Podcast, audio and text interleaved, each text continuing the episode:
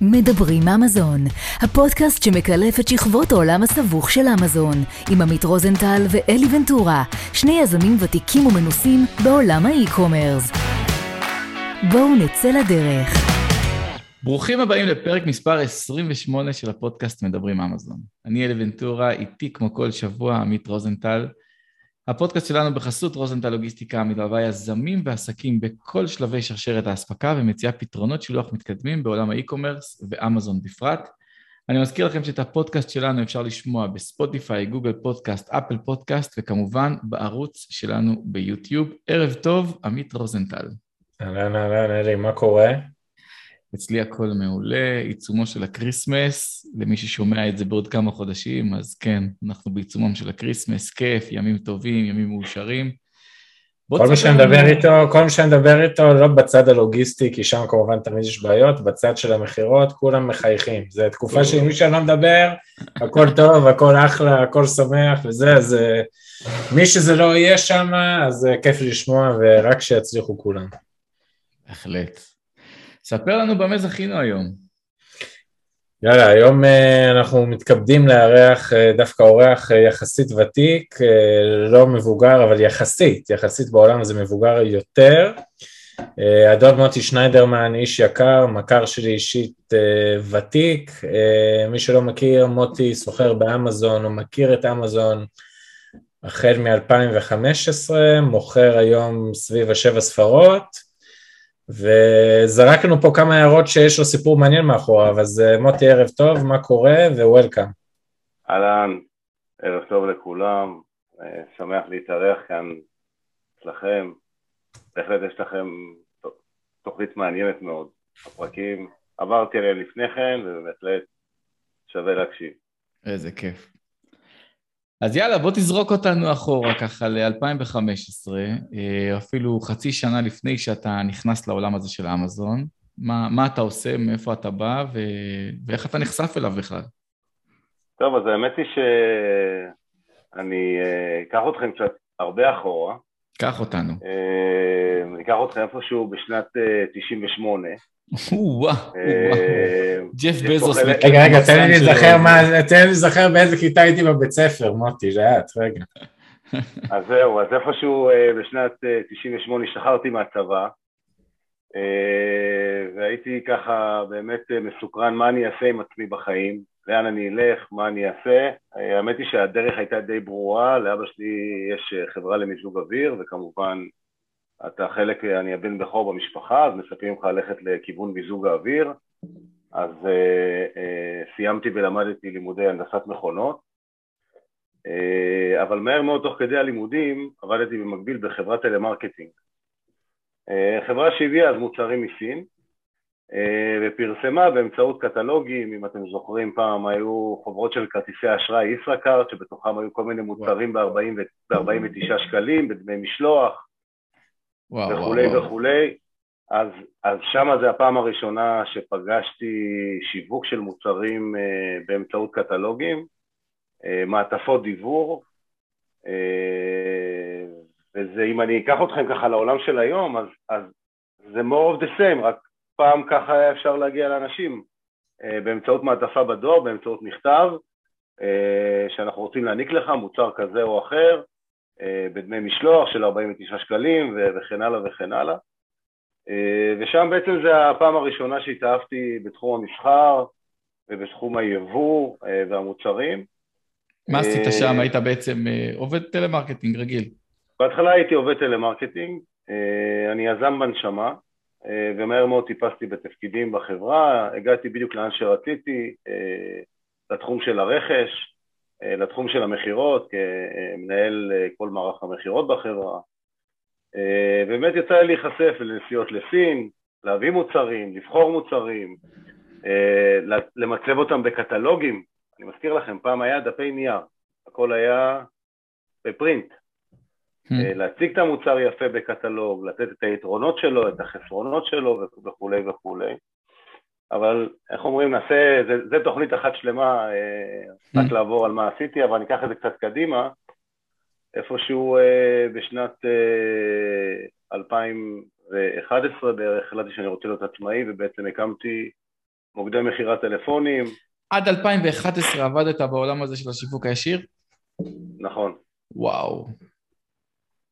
אה, ותכף אני אחבר לכם המון דברים והמון מתודיקות שיש אותם באמזון, ש, שכבר אז עשיתי אותם, אה, גם בתור אה, סוחר מתחיל באמזון, שפתאום אנשים התחילו לדבר על, על לשים בתוך, בתוך הקופסה, לשים איזשהו פלייר או איזה משהו, כאילו, חברים, אני עושה את זה מ-98, כאילו, what's new? ואז בעצם פתחתי לעצמי חברה, והייתי נמצא המון בתערוכות בסין, הייתה, היה לי מוקדים מאוד, אה, צוות מאוד מאוד גדול, מעל, מעל 200 עובדים, עם מרלוג של אלף מטר פה בישראל. וואו. אה, מעל אלף מוצרים. כי באמת, מה שבאמת אהבתי לעשות זה לקנות מוצרים, להתנסות על מוצרים חדשים, וזה בעצם היה הקונספט. שזה בעצם מוצרים שהם מוצרים גנריים, בדרך כלל החוברות האלה, אם אני זוכר נכון, זה היה כל מיני גאדג'טים למטבח וגאדג'טים לסלון וכל מיני שטויות כאלה, גנרים, בלי, בלי מיתוג. אז, אז אני לקחתי את זה כמה שלבים קדימה ומיתגתי אותם, זאת אומרת, גם אם הבאתי לצורך העניין מיקסר, אה, בלנדר, יד או כל דבר אחר, אז מיתגתי אותו תחת המותג הפרטי שלי פה בישראל, שרשמתי אותו אה, בסימן מסחרי. אני בכלל לא חשבתי שזה ילך, ילך למקומות האלה, כאילו שמתישהו ישדרגו את התהליך הזה. אמרתי שתי שאלות רגע, אחת, זה מדובר רק על שיווק ישיר או שמכרת לחנויות? אוקיי, אז, אז זה רק היה שיווק ישיר, רק לצרכים של, של, של מה שהחברה צריכה. עבדתי מעט עם ערוץ 2, עם ערוץ, ערוץ הקניות, סליחה, אה, ואז הגיעו כל אתרי הסחר. זהו, אז עכשיו, על זה, על זה אני רגע רוצה לשאול שאלה, ואולי אני קצת קופץ לאמצע הפודקאסט, אבל כאילו, שאמרת what's new, בסדר? זאת אומרת, אתה מדבר שהמתודיקות כביכול מאוד דומות למתודיקות של הסחר של פעם, כאילו, של, פשוט של סחר, זאת אומרת, במכירות היום באמזון. אז השאלה היא גם לך וגם לאלי, בסדר? במה אתם רואים דמיון לפחות בין מסחר אלקטרוני היום באמזון ואיך לפרסם באמזון ואיך למכור באמזון ללקוח קצה לעומת אותן מתודיקות כביכול של, של אופליין אה, למכור בדרך של פעם. ואם זה עזר לך גם כדי לגבש את הדרך פעולה שלך. אני, אני רוצה רגע לפני, לפני שאתה מגיב, אני רוצה לתת איזה אה, תגובה קטנה לעניין הזה, כי כשאתה דיברת על הדברים האלה, בוא, זרקת אותי, זרקת אותי איזה 20 שנה אחורה בכיף, אני, אני הייתי נהנה להסתכל על הדברים האלה, גם בתור ילד, שאבא שלי היה מקבל מהישראכרט והכול, נהנה, פותח, מסתכל, ו, ונהניתי לראות איך מציגים את המוצרים שם. ושם הייתה מכירה, הייתה שם באמת היה שם תהליך מכירה, מראים לך כרית לצוואר לטיסה, אז מראים לך מי שיושבת ככה עם הכרית לצוואר, וכתוב כרית נהדרת, נפלאה, אה, אה, נוחה, אפשר לכבס את זה והכל. ואז שהעולם הזה הפך לאי-קומרס, בארץ לפחות, משהו נעלם. נעלם מהפירוט מוצר, נעלם תמונות אווירה, נעלם כל הצורך למכור, כי אמרו, טוב, זה יהיה שם, אנשים יעשו קליק וימכרו. ודווקא בשיווק הישיר הזה, בקטלוגים שכבר לא נמצאים היום, היה באמת תהליך מכירה שהוא טיפה יותר ממה שקורה היום בארץ. מסכים איתי? אז א', אתה צודק במאה אחוז. אה, אני חושב שזה, בהתחלה זה היה מתוך בורות, שפשוט אנשים לא בדיוק הבינו את המכונה הזאת שנקראת אה, e-commerce ובכלל מכירה באינטרנט. ואתה יודע, והיו רגילים לאיך שהם קונים אה, סוחרים בעליבאבא, או דאז באתרים הסינים האלה שהיית קונה מוצרים, זה תמונה לבנה פשוטה. אה, אם אתה זוכר בהתחלה בכלל עוד עדיין היו דוגמנים סינים על חלק מהתמונות נכון. באינטרנט. אה, וכן, ובעצם, אתה יודע, הייתה לנו בעצם את ההזדמנות פעם אחת להגיע ללקוח ובעצם לייצר מכירה. אז תחשוב שברמת הלוגיקה שלנו, או קו המחשבה היה, והיינו עושים סטטיסטיקות על הכל, זאת אומרת היינו מוציאים בית של עשרת אלפים מעטפות, תחשוב שפעם היינו משלמים שקל על בול, ועוד המעטפה והפלייר זה סדר גודל של שתיים וחצי שקל למעטפה עם כל מיני מסרים שיווקיים וקטלוג בפנים. וואו. ומכתב שבעצם מנחה את הלקוח ומאפשר לו לקנות מוצר במחיר מיוחד, ואז קטלוג שמסביר בעצם את המוצר. אה, אה, ובעצם, אתה יודע, אתה צריך ב-A3 מקופל, ואתה מחליט איך הוא יהיה מקופל, באמת מתוך מחשבה הגיונית, של, שכמו שלימדו אותנו בבית ספר, שבצד שמאל אתה שם כתבות כאלה ובצד ימין צבעוני כזה, וממש כמו בבית ספר, זה פעם היה, אתה יודע, חיתולים, אז היית שומר על, ה, על הדבר הזה. וכמובן תגיד, הייתם עושים, מכן... אה, הייתם עושים A-B testing? כלומר, מתוך עשרת אלפים יחידות שיוצאות, אז אלף, אלף, אלף, אלף, כדי לראות מה עובד יותר טוב? אני יכול להגיד לך שהיינו מוציאים למעלה ממיליון מעטפות בחודש.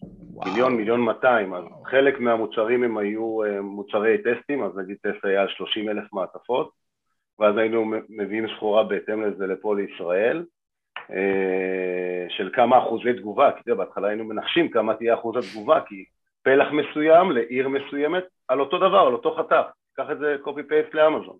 איזה יופי. אה, רק שפה, אתה יודע, רוב הכלים הם די מיושנים, זאת אומרת, בסוף זה הציבור רוקע ברגליים, ואתה סופר את זה שהוא אומר לך מה, מאיזה מכתב, איזה מספר מכתב הוא מתקשר, ואז היינו רושמים את זה בצד בשביל לראות מאיזה מספרי מכתבים התקשרו אלינו. זאת אומרת, איזה מסר שיווקי עבד יותר.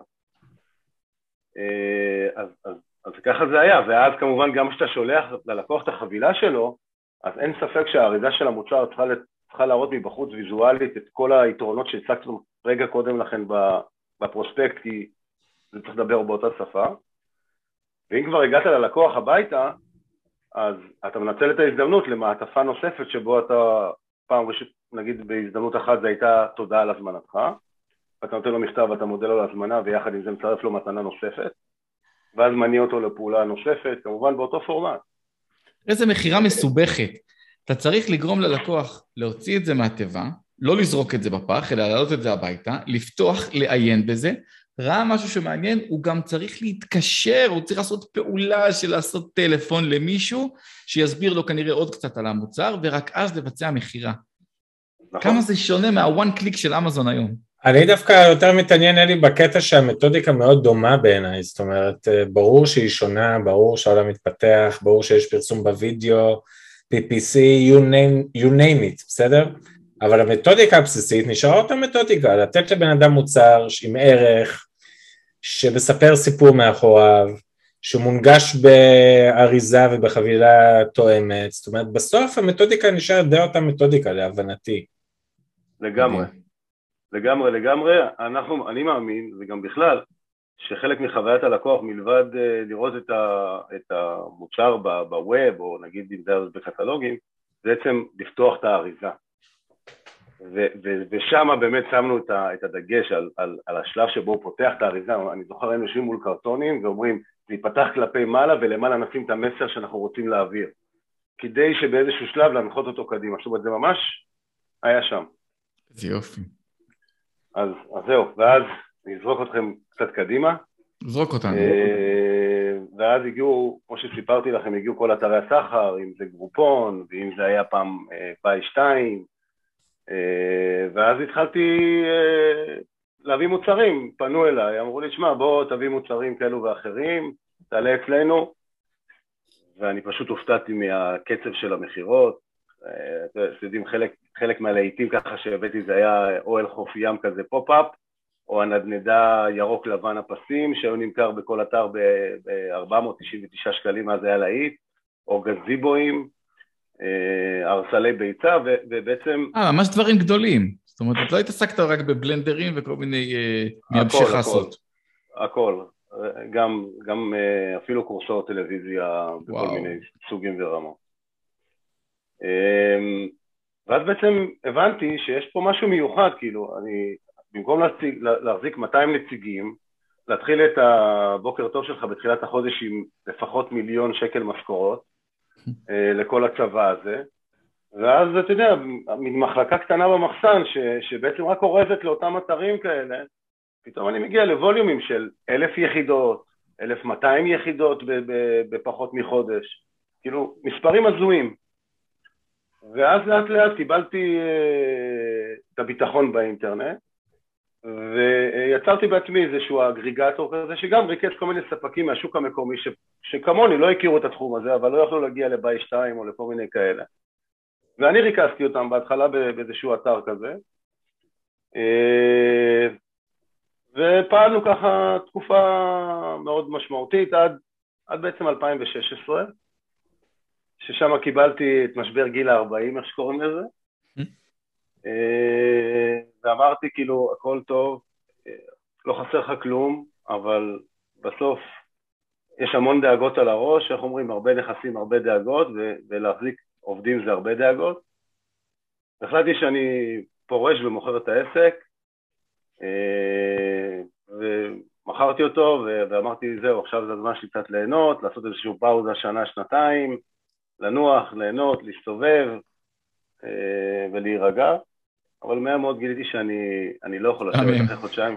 אחרי חודשיים הבנתי, קניתי יער זדר, אמרתי עכשיו אני רוצה לנסוע, אמרתי אני אעשה רישיונות, אבל מהר מאוד הבנתי אחרי חודשיים שזה לא בשבילי, ואז עשיתי כמה פרויקטים אה, בתחום של האי-קומרס, אה, עבדתי בחברה מאוד גדולה, עשיתי עבורם מספר עבודות ופרויקטים, חנויות, ניהול של חנויות, בכל מיני מודלים כאלו ואחרים.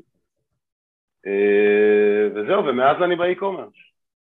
רגע, רגע, רגע, קפצת לי פה עכשיו, זהו, ואנחנו חיים באושר ובאושר. איך נחשפת לאמזון? למה הגעת לאמזון בכלל? אה, זאת אומרת, אני יכול לשער, יש לך פה אה, חצי מהתהליך, כבר נכון, עשית 20 שנה לפנינו. אז זהו, אז, אז, אז פרט אחד שב-2015 מישהו בא אליי ואמר לי, תשמע, יש לך כל כך הרבה מוצרים, ואתה מוכר בכל הערוצים בארץ, בוא נשים, נפתח לך חנות באמזון. אתה רוצה להגיד מי הבן אדם? אתה רוצה להגיד מי הבן אדם? אה, לא, נדלג על זה כרגע. זה גם בסדר. הכרת את אה, אמזון בכלל באותה תקופה? ידעת מה... ממש, ממש ממש לא. אה, מעט מאוד, כאילו ידעתי שאמזון מוכרים ספרים באינטרנט. אה, את הקנדל, זה מה שבאמת, כאילו, מרוב הבורות שהייתי בה, שזה מה שהם מוכרים, ואז אמר לי, לא, וואלה, יש מוצרים, מוכרים מוצרים, מוצרים. כל... ואז אמרתי לו, טוב, מה, מה אפשר לעשות? יש, זה הקטלוג, אלף מוצרים. אז הוא אומר לי, וואלה, יש פה מספיק מוצרים לעשות, ומבחינתי זה לא בעיה, כשאתה נוסע שלוש-ארבע פעמים בשנה לתערוכות בסין, אתה מכיר את הכל. אמר לי, שמע, תוריד לי קונטיינרים, בדרך שאתה יורד, יורדים לישראל, תוריד לי קונטיינרים בארצות הברית, בטקסס, איזה עשרה, 12 מוצרים, ונתחיל אה, להפעיל לך את החנות.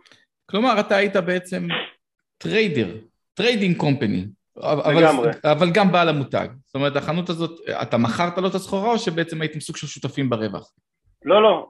הסחורה היא שלי, המיתוג הוא שלי, הכל, אני פחות אהבתי לחלוק עם אנשים את, ה, את המותג הזה שבניתי פה. אז הוא בעצם שימש כסוכן. הוא רק, רק כמפעיל חנות, אה, כאחד שחשף אותי אה, למיזם הזה שנקרא אמזון. מעולה. ככה, ככה קראתי לו דרך אגב, מיזם אמזון, כי תחשוב שאתה מנהל אה, אופרציה כזאת, ואז בתקופות ההם זה היה אופרציות של עשרות מיליונים של שקלים בשנה מחזור, ואתה יודע, ואז אומרים לך פרויקט אמזון, אז אתה יודע לתמחר אותו כבר, פחות או יותר, כי אתה, אתה לא מבין את התחום. היום אתה עדיין עם אותו שותף או שעברת לניהול עצמאי? אני קופץ לא, קצת. לא, אני מ-2020, ממש בתחילת הקורונה, מצאתי את עצמי אה, שאני אה, לא עוסק בפרויקטים שעסקתי לפני כן, mm-hmm. וזהו, ואני צריך להמציא את עצמי מחדש עכשיו. בלי, עשיתי את זה עבור רגע, אחרים. ניהלתי חנויות עבור אחרים. יש לי בור. כן. מ-2016 בעצם התחלת לייצר את המוצרים עם המותג שלך, נכון? נכון. נכון. והבחור השני הוא זה שהוציא את זה לפועל, הרים את המוצרים, FBA, אה, קידומים, אורגני, PPC, הכל, בחנות, שהיא על שמך או על שמו? על שמי. המותג על, על שמי, הכל, הכל, הכל על שמי. מעולה, כן? הוא רק בעצם מתפעל חנות. הוא שכיר מקבל... כאילו, לא? אם אני מבין נכון. לא, מקבל, מקבל עמלה עבור, עבור ההפעלה. ווין ווין סיטואשן. כן, אני מביא מוצרים בלי הגבלה, זה מה שהיה זה לא היה בעיה להביא מוצרים. אבל בעצם בשלב הזה כמעט ואין לך נגיעה לאמזון, אתה רק מקבל כאילו דיווחים? כמעט ולא, רק, רק מקבל, אז אמרו לי יש איזה כרטיס Payoneer, אתה מקבל לשם את הכסף, והייתי רואה לאט לאט, אתה יודע, אלף, אלפיים דולר חוזרים בחזרה, חמש עשרה אלף דולר חוזרים בחזרה, חמישים אלף דולר חוזרים בחזרה, זה מה שפחות או יותר הסתכלתי על זה בהתחלה, ב-2015. באיזה שלב אתה מבין שיש פה איזה, איזה, איזה משהו שהוא באמת גדול ושווה רגע לעצור ולתת שם יותר פוקוס? אז, אז זה בא ביחד, גם, גם התחלתי לחשוב מה אני עושה עם עצמי, אה, כי ממש היה בא לי לצאת מהסיטואציה שאני נמצא בה בלנהל כזה אופרציה, אה, וגם פתאום ראיתי שהמספרים בצד השני, וביחס לכסף שאני משלם עבור הניהול של זה, אה, אז, אז אמרתי, רגע, אז קודם כל אני אפטר מהדבר הזה, ואז אני אשאר לעצמי רק עם חנות של אמזון, ואני אעשה לעצמי בכיף מהבית. מה ש... ואתה יודע, תוך כדי לימוד כזה, אתה יודע, יוטיובים, כאלה, בקטנות. אבל אין לא לך נגיעה עד אז לקמפיינים, PPC, מידים, לא. כלום. ממש לא. ממש לא. איזה יופי. מבין את הרעיון, מבין את הקונספט, מבין מה צריך להיות בתוך האריזה, בעיקר. מבין איך להגיש את המוצר. מבין איך לייצר את התמונה, את, ה, את הקטלוג. מה, איפה נתקלת מוטי באיזה קשיים, כאילו דווקא, זאת אומרת, אתה מציג מה אתה כן יודע, אבל בוא תציג מה שלא ידעת, איך, איזה קשיים חווית בהם, ואיך למדת אותם תוך כדי תנועה. אני יכול להגיד ככה, דבר אחד, זה, זה כל, ה, כל השפה האמזונית הזאת, וכל ה-PPC אז בזמנו היה נראה לי כאילו ממש מלאכת מחשבת אה, של, של פיתויים ומילים, זה, זה לא משהו שאתה רגיל אליו. זאת אומרת, כשהייתי כותב אז מכתבים, לא, לא הייתי רגיל לחשוב איזה מילה אני צריך לשים בטקסט, היא, היא תקדם אותי. כן, עיקר הדברים היא באמת אה, להבין אה, את, את האופן שבו זה מורכב, כי, כי בעיניי זה היה איזשהו משהו אה, כזה לא מובן, אתה צריך להשתמש במילים מסוימות שאנשים מחפשים אותם, והגעתי מדור די מיושן בדבר הזה, כי אתה יודע, במכתב אתה לא, אנשים לא מחפשים מילים, ואז פה אתה צריך לבוא באיזושהי אסטרטגיה אחרת, וכמובן שיש כמות של דפים, או, או ממש כל השפה האמזונית הייתה מאוד מאוד לא ברורה. את הצד הלוגיסטי, המשלוחים וכולי, זה צד שתמיד הייתי חזק בו, אני יודע להביא סחורה איכותית ובזול, אה, יודע למצב את הכל, ופה פתאום השפה האמזונית הייתה לי ממש קשה. איך התגברת על זה? לקחת איזה קורס, ליווי, מנטור, משהו? כן, הכרתי איש PPC מאוד מאוד uh, טוב. Uh, נפרגן לו בהזדמנות הזאת, uh, ניר כהן. ניר כהן. ניר כהן. אה, כן, שהוא בעצם אה, ישב איתי, הסביר לי, חנך אותי, לימד אותי, ממש השקיע בי המון זמן ואנרגיה, וגם הייתי רעב ללמוד. אז גם מעבר לזה הייתי הולך הביתה, ו- ומעבר לשעות העבודה קורא ו- ו- ולומד ו- ומסתכל ועושה עוד, עוד איזשהו סרטון ביוטיוב. זהו, בואו רגע נדבר, אלי, אה, סליחה, אני אה, אשאל שאלה. תיארת את זה שהיה לך, ו-believe me, I can relate to it, היית מעסיק, היה לך עובדים, לקום בבוקר, ההוא כואב לו הראש, זה לא הגיע כי הוא נפל מהאופנוע, כל אחד והסיפורים שלו, ההוא רב עם זה, עזוב, אני, על זה אני יכול לכתוב ספר. היום, ואז הגעת למצב שכאילו מכרת את העסק ואתה מוכר באמזון ואתה לבד עם עצמך. תאר קצת את החוויה, פתאום, אתה יודע, לעבוד מהבית, מסגרת שעות שאתה כאילו צריך, אה, אתה יודע, לבנות לעצמך איזושהי מסגרת timeline ברורה. תן קצת על החיים האלה, כאילו, זה לעומת זה. תקשיב, זה שינוי מטורף.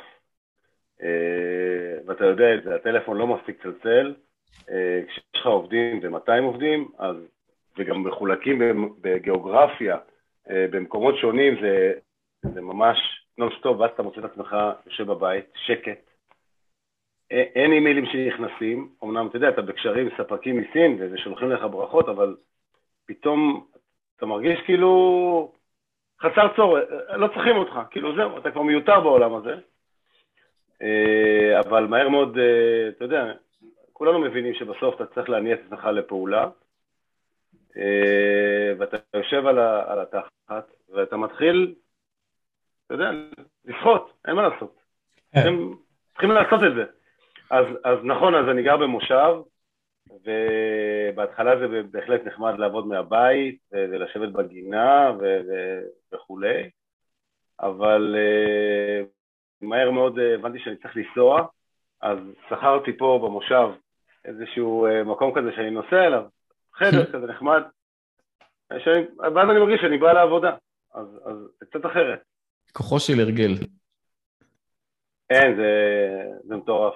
מדברים על זה המון, אלי, המון המון המון המון אנשים שעובדים מהבית, ובטח בתקופה של הקורונה, ואני חושב שאלי גם אתה יכול לדבר על זה, למרות שאני יודע שאתה לא רוצה לדבר על זה, על שאתה רגיל לעבוד מהבית, פתאום לקום, לבוא למשרד, לראות אנשים, you feeling alive again, אז גם, אז אתה יודע, אני חושב שגם לעצמאים שעובדים מהבית, שאתה עולה, לא יודע, נגיד אתה עובד מהבית בתור סוחר אמזון, אתה קם בבוקר, שותה קפה, שם טרנינג, עולה לעבוד, לעומת אתה קם בבוקר, יוצא אפילו למשרד שתי דקות נסיעה ממך, לובש ג'ינס ואיזה חולצה, העולם נראה אחרת, כאילו היום עבודה שלך, הפרודקטיביות, בעיניי נראה אחרת, ואני חושב שהדבר הזה הוא חשוב לכל מי שעוסק במלאכה, בטח מכאלה שעובדים בעבודה מהבית באופן קבוע.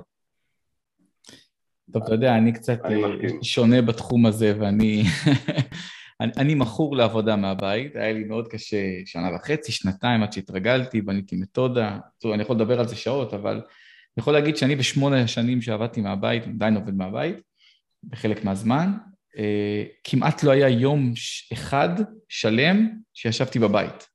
כלומר, גם אם היה לי יום בלי פגישות, בלי שיחות, בלי כלום, הייתי פשוט לוקח את הלפטופ לבית קפה ויושב שם, שעה וחצי, שעתיים, שלוש. אני מבין את הצורך בלראות אנשים, אבל... אה, טוב, עזוב, אני יכול לדבר על עצמי שעות, על, ה... על לבוא ו... ו... וכמה קשה להתרכז כשאתה בסביבה עם אנשים. זה חשוב, זה כיף, אבל, אבל באמזון יש המון נקודות שאתה צריך את הפוקוס הזה. אתה צריך לשבת עם עצמך ו- ולשמוע את הגלגלים בראש זזים. ולאנשים עם בעיות קשב וריכוז כמוני, ההפרעות מסביב יכולות רק להוציא מריכוז ו- ו- ולהפוך את הפרודוקטיביות ליעילה הרבה פחות. אבל דבר רגע על המשמעות של אה, כאילו, אתה יודע, לקום, לשטוף פנים, לצרצר שיניים ולהרגיש שאתה יוצא ליום עבודה גם אם אתה עובד מהבית. כאילו, תנו כמה מילים על הדבר הזה. זאת אומרת, כן לבנות לך מתודיקה אפילו בתור עובד מהבית, שאתה מרגיש שאתה כאילו קם בבוקר לעסק, ולא לאיזה משהו שהוא צדדי. זה ברור, מבחינתי זה איך, סליחה שהייתי, אני, אני, לוקחים למוטי פה את הבמה, אבל אני מבחינתי, אה, נוהל בוקר זה לבוא ולקום, אני עושה מקלחת בוקר, אני מתלבש, עולה לג'ינס, אני מוציא את הבנות לגן או לבית ספר, אה, אני לא יושב בחיים עם פיג'מה, אני יושב עם, עם ג'ינס ו, ויושב לעבודה אחרי ששתיתי אספרסו במרפסת, עכשיו אני מוכן לעבוד. אה, מבחינתי זה חלק, אה, זה פה, זה בראש. כמו שאתה אומר, להגיד, הנה, באנו לעבוד. חד משמעית. יאללה, מוטי, חוזרים אליך. מוטי, סליחה. אז זהו. אז לא, לא, זה בסדר, א', אני, יש דברים שאני יכול להתחבר לדברים שאתה אומר, אבל אני יותר בן אדם של אנשים, אתה יודע, רוב חיי חייתי במוקדים. תחשוב, כן. משמרת, 80 נציגים יושבים לך על הראש, וזה מבעבע אה, אה, במוקד. אה, כן, אבל אז אתה יוצא החוצה ואז אתה אומר, רגע, הרעש לא היה כל כך נורא לי. אבל פה, אתה יודע, זה טוב, זה עכשיו טוב במינונים.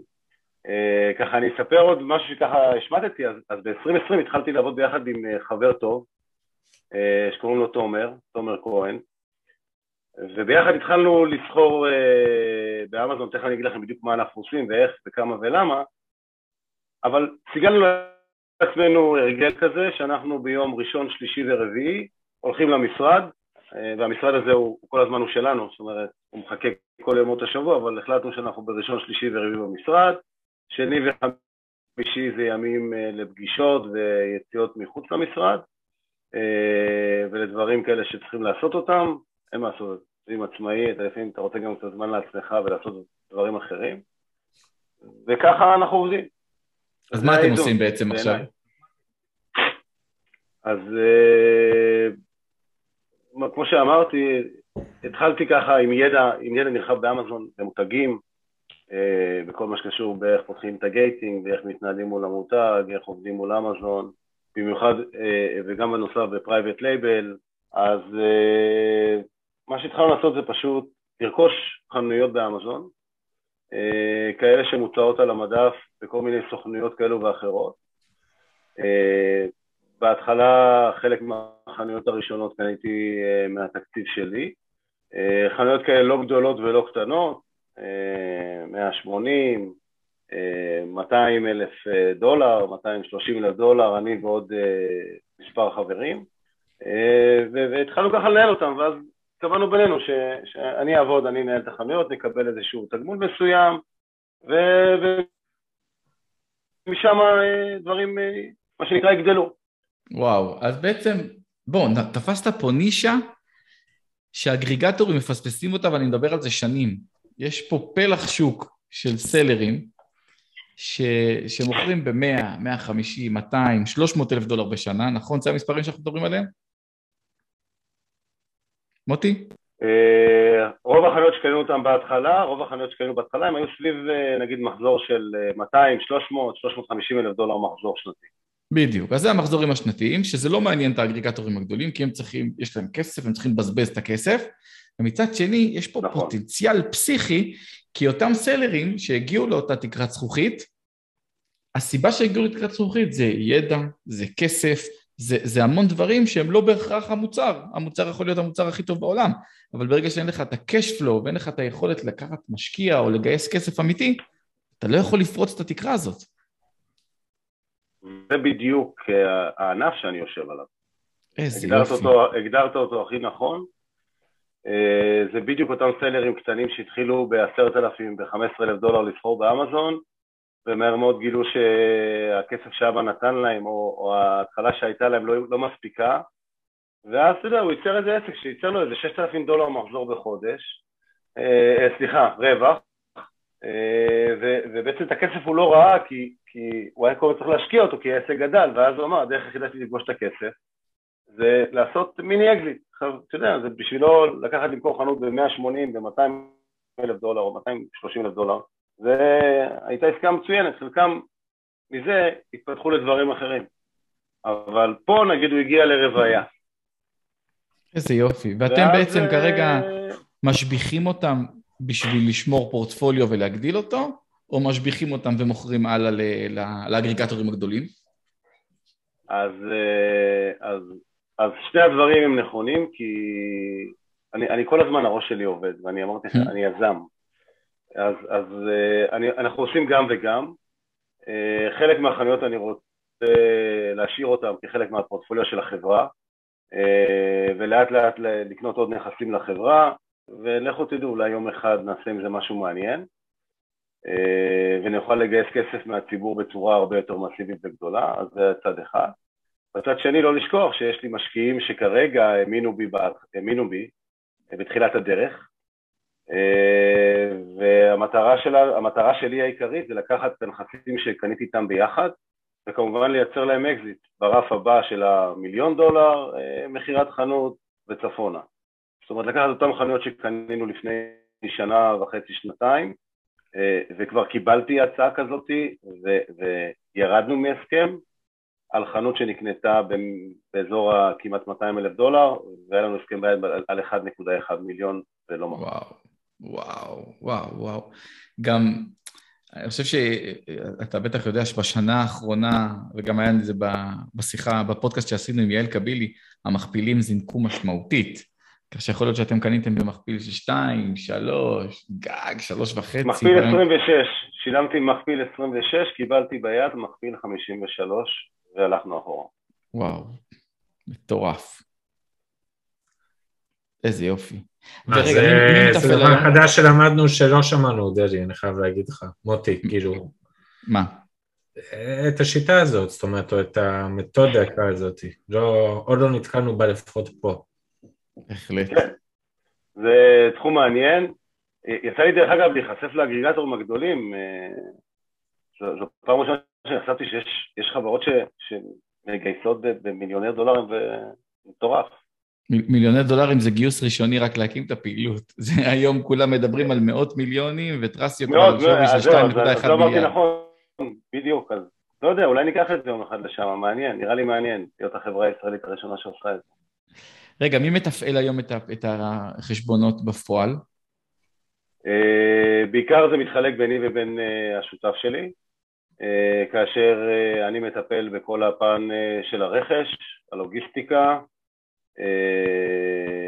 וכמובן כל, כל התחום שאני חזק בו זה התמונות, זה הטקסטים, מחקרי מילים, אה, ולמעשה השותף שלי יודע לקחת ולנתח את כל הנתונים האלה, הוא פשוט גאון, יש לו גם המון יכולת של לשבת על הישבן ופשוט לחפור את המספרים ואת הדברים, והוא בעצם מתפעל את כל יתר האופרציה. אה, כמובן יש לנו אה, עובדים אה, חיצוניים שאנחנו מעסיקים, אם זה בתחום הפייסבוק ואם זה בתחום של שירות לקוחות רגיל בחנויות שאנחנו צריכים לתת, ואם זה קצת dropshipping שאנחנו מפעילים מפעם לפעם בכמה חנויות בשביל מעט לייצר רווח, אבל זה בעיקר, זו, זו האופרציה. וכמובן את עמית, עם היכולות שלו, שהוא עוזר לנו בצד, בצד, בצד השני, אז זהו. Thank you, thank you for the פרגון. תגיד, מוטי, יש לי שאלה אליך על משהו שמעניין אותי. דבר קצת על היחסים עם השותף, אני לא מכיר את השותף דרך אגב, אני מודה, לא מכיר, לא שמעתי, לא ידעתי גם עד היום. דבר קצת על ההתנהלות עם שותף, חלוקת תפקידים, איך זה עובד, איך מייצרים, אה, אתה יודע, אה, הפרדת רשויות, שבסוף כל אחד יש את המקום שלו, איך, איך אתה מצליח לנהל את הדבר הזה? אגב, אם לא שמעת על השותף שלו עד היום, ככל הנראה הם מנהלים את הפעילות הזאת בצורה טובה, כל אחד יודע את מקומו, אחד פלוס אחד שווים שלוש. יפה. אז, אז לגמרי שמה. אה, השותף שלי קוראים לו תומר כהן, אה, איש מאוד מוכשר, אה, ובאמת, אתה יודע, שותפים זה, זה, זה, זה, בערך כמו אישה, כי אתה צריך באמת מזל אה, להתחתן עם האישה הנכונה, ופה אתה צריך מזל למצוא את השותף המתאים, אני כבר רווי בניסיונות עם שותפים, ומכיר את האופרציה, ואני חושב שבעיקר העבודה עם תומר זה, זה בעיקר אנחנו מאזנים אחד את השני. אומרת, אני, אני איש מלחמה, אני איש של, של טארגט, אני, אני, אני קדימה, אני, אני רץ קדימה, אני מסתער, אה, אני משאיר המון בלגן מאחורה, אבל אני יודע להסתער חזק קדימה ואני יודע להגיע למקום, אה, זה אני, אני תחרותי. ותומר בצד השני הוא המאזן, הוא היותר מחשבה, הוא היותר, אה, פחות אימפולסיבי ממני, ובאמת מצאנו שאנחנו מאזנים אחד את השני במקומות שאני חלש בהם, ודרך אגב חשוב, לד... חשוב להבין דבר אחד, בשותפים האגו צריך להישאר בחוץ. Mm. וזה, ברגע שמבינים את זה, זה, זה החיים הופכים לפשוטים. בכלל נכון, דרך אגב, בכל מערכת יחסים, אבל עם שותף על אחת כמה וכמה, אה, אה, זה חשוב לדעת איפה אתה חלש, אה, או יותר נכון, לדעת איפה השותף שלך יותר חזק ממך, ושם תשחרר, כי, כי חוץ מלעשות רעש ובלאגן, לא תוכל להועיל שם. וזה בעצם מה שהבנתי בשותפות הזאת. אז, אז וזה באמת החלוקה, אני, אני, כמו שאמרתי, זה מה שאני עושה, ואם צריך לגייס את הלקוחות או לגייס משקיעים, אז, אז אני בפרונט. ואם צריך uh, עכשיו לעשות צ'קליסט uh, כשאנחנו קונים חנות ב-800 אלף דולר או בחצי מיליון דולר, וצריך לעשות את כל ה migration ואת כל הדברים האלה, אז, אז אני יודע שתומר עושה את זה גם אם תאר אותו בשלוש שנות בוקר והוא שתה ליטר של וודקה, הוא עושה את זה בשנייה. אז, ובצד השני, שתומר יודע שהוא מגיע לכריסמס, אז אין מצב שהוא רוצה לראות תחמושת ולראות מוצרים ואין לו. ואני אומר לו, תקשיב, אין, נתקעתי, אין לי מלאי. אין מצב כזה. אז זה, זה בדיוק שמה. היה לך שותפים לפני זה בחיים העסקיים שלך, או שזו פעם ראשונה שאתה עם שותף אמיתי מלא? היה לי, היה לי, אה, אתה יודע, אני לא רציתי ככה לפרט תוך כדי הזה, אבל היו לי תוך כדי העסק הגדול הזה של המוצרים, היה לי עוד אה, שני חברות, היה לי סוכנות ביטוח, וגם בעסק הזה של המוצרים הכנסתי לאט לאט אה, שותף, אז כן, מכיר את ההתנהלות. זה לא דבר קל שותף, אבל אתה יודע, בסוף לומדים אה, להתנהל, או שלא. תגיד, מה... מה אתה יכול להגיד ל... דרך אגב, או, שלא לומדים להתנהל, ואז אתה בתור סוחר... שומעים אותי? כן, כן, שומעים. אז אני אומר, או שלא מסתדרים, ואז אתה בתור אה, סוחר אמזון שרוכש חנויות, מצליח לקנות חנות בזול, כי שתי שותפים לא מסתדרים. תכלס. זה, זה היום ההזדמנויות שלך. תגיד, מה יש לך לומר היום לסלר אמזוני, אה, שאני אגיד אפילו לא עכשיו רוצה להתחיל, אלא מישהו שכבר עשה דרך, השקיע את הכסף, יש לו מוצרים באמזון, הוא התחיל למכור, הולך לו סבבה. מה אתה יכול להגיד לו עכשיו כדי שיבין ובאמת ייקח את המסרים האלה להצלחה אמיתית? אז, אז אני אגיד בגדול, אמ, אומרים שאפשר לעבוד מחוף הים וכל מיני כאלה קלישאות שאני שומע בכל מיני פרסומות, או... אז, אז זה ממש לא נכון. אז אם אתה רוצה להיות סלר זה מקצוע, וצריכים להבין שזה מקצוע, כאילו נוצר איזשהו זה, זה נהיה תחביב, אני סוחר באמזון, אז זה ממש לא, לא במקום הזה. אה, כי לדעת לרכוש מוצרים, אז יש, יש לזה תפקיד שקוראים לו איש רכש. ואם אתה לא יודע לרכוש את המוצרים נכון, אז, אז אתה חוטף. ו, ואם אתה קונה מוצרים בדולר, אז, אז אתה חוטף באלף דולר, אבל אם אתה קונה פריט שעולה 30 דולר, ואתה, אז אתה חוטף 30 אלף דולר. אז, אז זה, זה מה שצריכים להבין, שזה מקצוע, וזה משהו שאתה צריך לקחת אותו בשתי ידיים, זאת אומרת, בהתחלה זה לשבת לקרוא, להבין, לחקור, ללמוד, לשאול. אני, אני, אני אומר, והכי חשוב זה כמובן להעיז, אבל לעשות את הדברים בחוכמה, אה, ואני אני מאמין שכל אחד יכול, באמת, אני, אני, לא, אני לא, אני חושב שכולנו קיבלנו הכל, הכל מהכל. שאלה מה אנחנו עושים את זה, עד, עד כמה רחוק אנחנו מוכנים ללכת בשביל להביא את האבן. זה, ההבדל, זה ההבדלים בינינו. אה, כי כולנו יכולים להביא את האבן אם רוצים אותה. אה, וזה המפתח. אז, אז אם אתה רוצה ללכת להביא את האבן, אז לך עד הסוף. אז זה, זה אומר שאם צריך לקום בלילה ו, ו, ו, ולהסתכל על החנות ולנתח את הנתונים, אז תנתח אותם.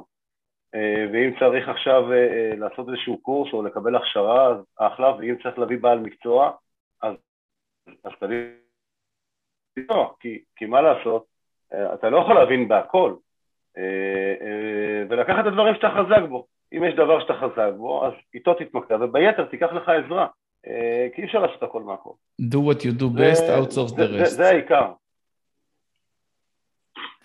תראה איזה יופי. נו, ראית פעם שחקן כדורסל שעושה חלטורות בטניס? לא, נכון. מייקל ג'ורדן. אז... אני בכוונה לא, אני בכוונה לא אמרתי גולף, ידעתי שתפיל אותי פה, אז, אז לקחתי את זה לטניס. אבל זהו, כאילו, זה שמה. תראה איזה יופי, יצא לנו לדבר עם, אה, עם אנליטים, עם אנשי PPC, כל אחד אומר, אה, אם אתה לא יודע PPC אתה חייב להתמקצע, זה הדבר הכי חשוב. וחבר'ה שאמרו לנו, מחקר שוק זה הדבר הכי חשוב, שצריך לבחור את המוצר הנכון, והנה בא בן אדם ואומר, בואו חברים, עשיתם מחקר שוק, הכל טוב, יודעים PPC, מבריק, הכל אתם יכולים גם להוציא החוצה, אבל אתם צריכים לדעת לקנות, לקנות נכון, וזה כל כך חשוב שכל כך הרבה אנשים פשוט, אתה יודע, נכנסים לעליבאבא ואומרים, טוב, זה המוצר, בואו נקנה אותו והכל, ואנשים לא מבינים שבאמת הרווח נמצא בקנייה של המוצר, לא במכירה, בקנייה שלו, נכון מוטי? זה, זה, זה לא רק שמה, אבל גם בסוג המוצר וב, וב, וביתרונות שלו, אתה יודע, ב-added value שאתה מביא, כי בסוף אתה, מתח... אתה, אתה, אתה לא רוצה להתחרות על עוד סכין, אבל אם תביא סכין עם, עם טיפה טוויסט, שב על התחת, ותעצב סכין, ועשינו את זה עכשיו באחד החנויות שלנו, והצבנו סכין ורשמנו עליה פטנט עיצובי, אה, ועשינו סכין שיודעת לאסוף את כל, את כל, מכל הצנצנות, לא משנה איזה צנצנת תביא לי, הבאנו צנצנות מארצות הברית גם את הענקיות ביותר, אתה מכניס את הסכין לתוך הצנצנת, היד שלך נשארת בחוץ והצנצנת ריקה. אתה מגיע לכל פינה. אז, אז זה בדיוק מה שאני אומר, קח את זה one step קדימה.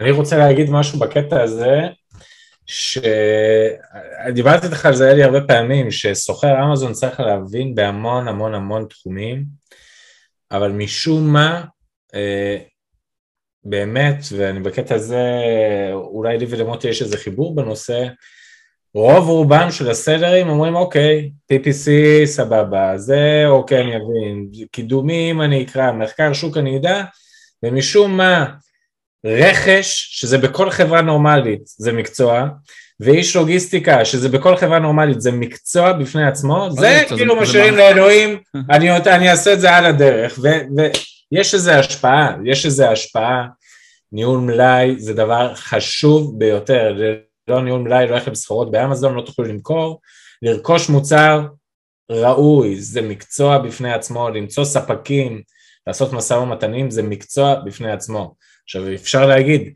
לא כל אחד צריך לדעת את כל המקצוע הזה, אבל כמו שאתם הולכים ללמוד PPC, תלכו ללמוד לוגיסטיקה, תלכו ללמוד רכש. קצת, תיגעו בדברים האלה, כי זה מאוד מאוד חשוב בסופו של דבר. לגמרי, מסכים. מוטי, אנחנו מתקרבים לסיום הפרק ואני רוצה להפנות אליך את, ה, את השאלה הקבועה. ואתה יודע מה? בתור יזם סדרתי בגיל שלך מאוד מאוד מסקרנת אותי התשובה. אז אה, אם, אם היית זוכה מחר בעשרה מיליון דולר נט, מה היית עושה איתם? הכי קל. הכי קל. אחד, אני, הכי קל, בשבילי זה הכי קל. אני לא צריך שום דבר מזה, אני הכל אה, לוקח, קונה, חנות, קונה כמה חנויות באמזון, for sure granted בלי לחשוב פעמיים, ומשקיע עוד איזשהו סכום אה, בסטארט-אפ של האחים שלי אה, שצובר תאוצה, זה כבר לא סטארט-אפ, זה כבר מוצר מטורף, זהו, זה מה שהייתי עושה. קיצר, אתה נלחם בטרסיו, no matter what. כן, אתה יודע, חיים פעם אחת. ובסוף, אתה יודע, קראתי לא מזמן באיזשהו מקום, אתה, אתה נולד עירום ואתה גם מת עירום, אתה מגיע בלי כלום ואתה חוזר בלי כלום, והמטרה שלך פה זה לצבור חוויות.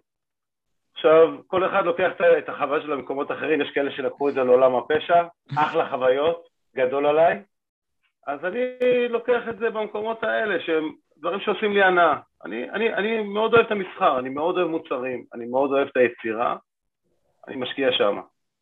איזה כיף לשמוע. צחה מוטי.